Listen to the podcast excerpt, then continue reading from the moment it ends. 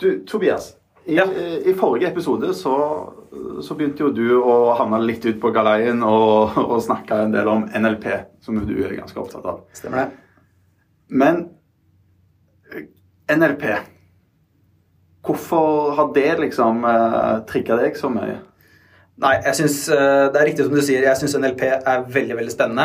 Eh, Jeg jobbet eh, en del med det nå i høst og lærte veldig mye om det. Og for de som ikke kjenner så godt til det, da, så NLP, eller Natural Language Processing, er i bunn og grunn eh, språkteknologi. Altså datamaskiners evne til å enten forstå eller generere type menneskelig språk. Enten i form av tale eller tekst. da.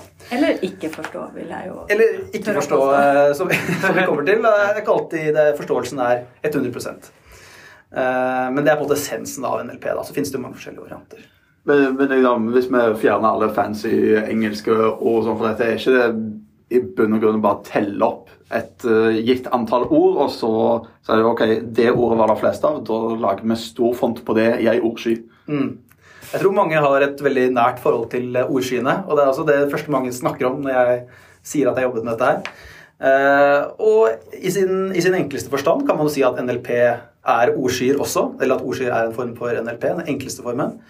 Eh, og da vi begynte å se på det her og lære mer om det, så skjønte vi fort at det er en slags skala her fra de enkleste og mest banale modellene, som er å telle ord, eller å finne ut hvilke ord som er adjektiver eller egennavn, for den saks skyld, eh, til enda mer avanserte metoder som baserer seg på type nevrale nettverk, eh, random forests og sånne klassiske maskinlæringsmodeller, som kan gjøre ganske mye mer avanserte ting da, enn å bare telle ord og gjøre dem store.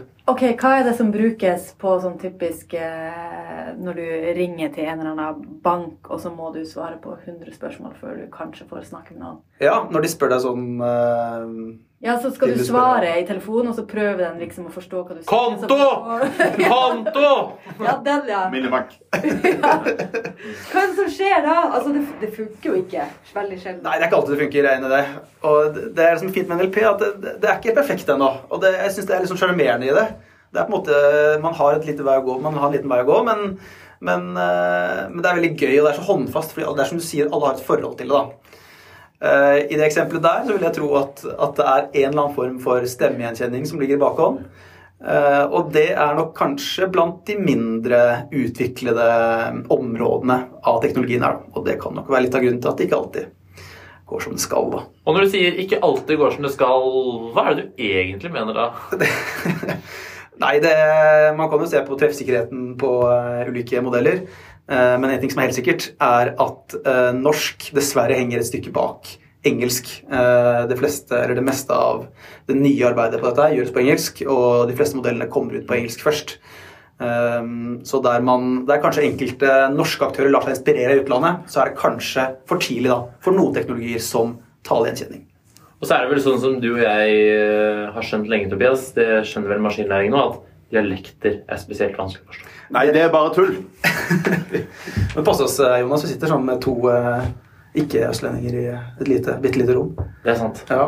eh, Der kom den. Altså, Du klarer ikke engang å plassere oss på kartet. Det var bare Ikke- ikke østlendinger ikke utenfor sted. Oslo. Oslo-Viken. det- Nei, men altså-. Eh, Du og et par til, dere har kjørt et sånne prosjekt som dere kalte Ekko. Mm. Eh, hvor i hvert fall jeg var med på en liten sånn eh, test.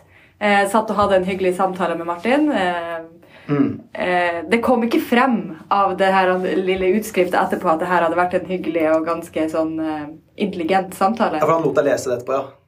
Han lo, eller, Ja, jeg, jeg ba. Ja, x antall ganger om å få lov å lese det, for jeg antok at det ikke var eh, Nei, det var ikke helt heldig, nei. nei, det var ikke helt heldig. Nei, jeg husker jeg, husker jeg leste husker jeg leste transkripsjonen fra samtalen ditt med Martin, og det var Jeg tror dere snakket mye om innsiktsarbeid, kan det stemme?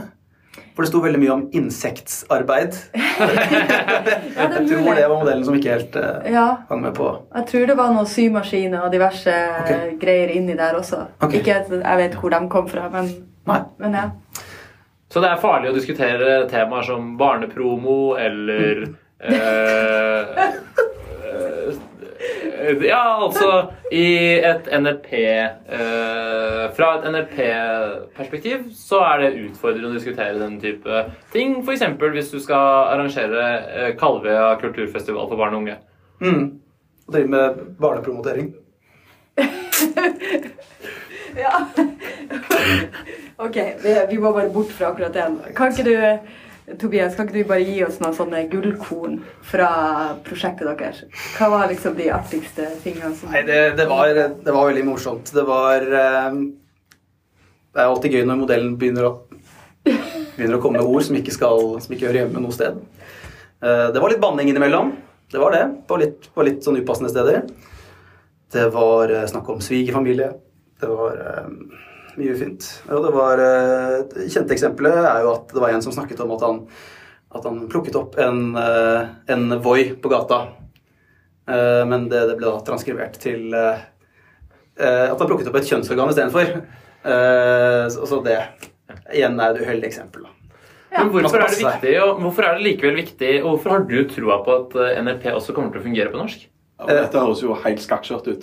Ja, og eh, det, hø det riktig, det høres ikke skakkjørt ut. Men, men igjen så er jeg glad i NLP fordi eh, det har sine skavanker og det har sine feil. Men det kommer. Og vi vet allerede at det som er på engelsk, er ganske mye bedre enn det som er på norsk. Og vi vet at det som er på norsk, kommer til å komme dit på et visst tidspunkt. Vi må bare gi det tid. Når det er sagt, så er jeg veldig veldig glad i eh, tekstanalyseverktøyene som finnes på norsk. Nå har vi snakket veldig mye om tale til tekst.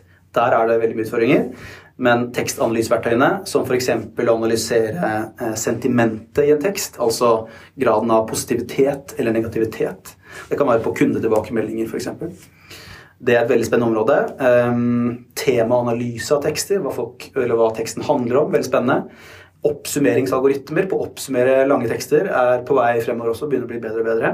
Og det er veldig veldig mye kult som ligger i pipeline. Uh, vi kan snakke om uh, word embeddings, vi kan snakke om transformers.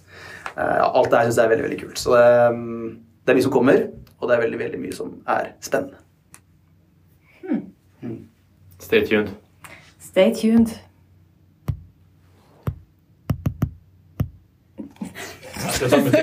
Har du noe ris eller ros, eller har lyst til å være med på en episode? Send oss en mail til drypp at beck.no.